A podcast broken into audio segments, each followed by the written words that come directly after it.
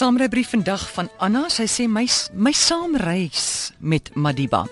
Toe ons jonk was, ek bedoel regtig jonk, het ons as Afrikaanse jong mense saam met ons ouers geluister en gehoor hoe dokter Verwoerd die redenasie rondom apartheid verduidelik en helaas is dit ook in ons kerk ingedra en het die sogenaamde uitverkorenes van God die benadering en veranderinge gestaaf en dit nogals uit die Bybel, die woord van God wat die absolute liefde verkondig. Ook hierdie boodskap bevestig. Maar intussen kon die Minas en die Sinas wat in ons huise gewerk het, ons geabba en getroos het as ma en pa gewerk het en Sondag, ja, kom Sondag, hulle nie saam met ons na hierdie kerk wat die groot liefde verkondig en waar ons voor God almal gelyk was, kon saamgaan nie. Dit het my as klein dogtertjie so baie gepla. Ek kon dit net nooit verstaan nie. Die res van die verloop van gebeure is geskiedenis.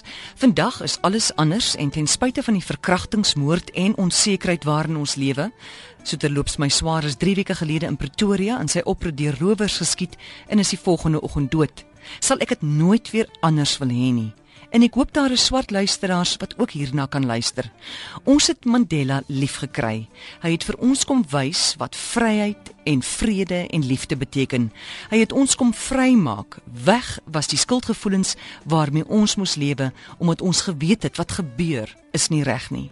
Dankie Mandela, Madiba dat jy vir ons ook hier soos Jesus die voorbeeld van vergifnis en genade uitgeleef het.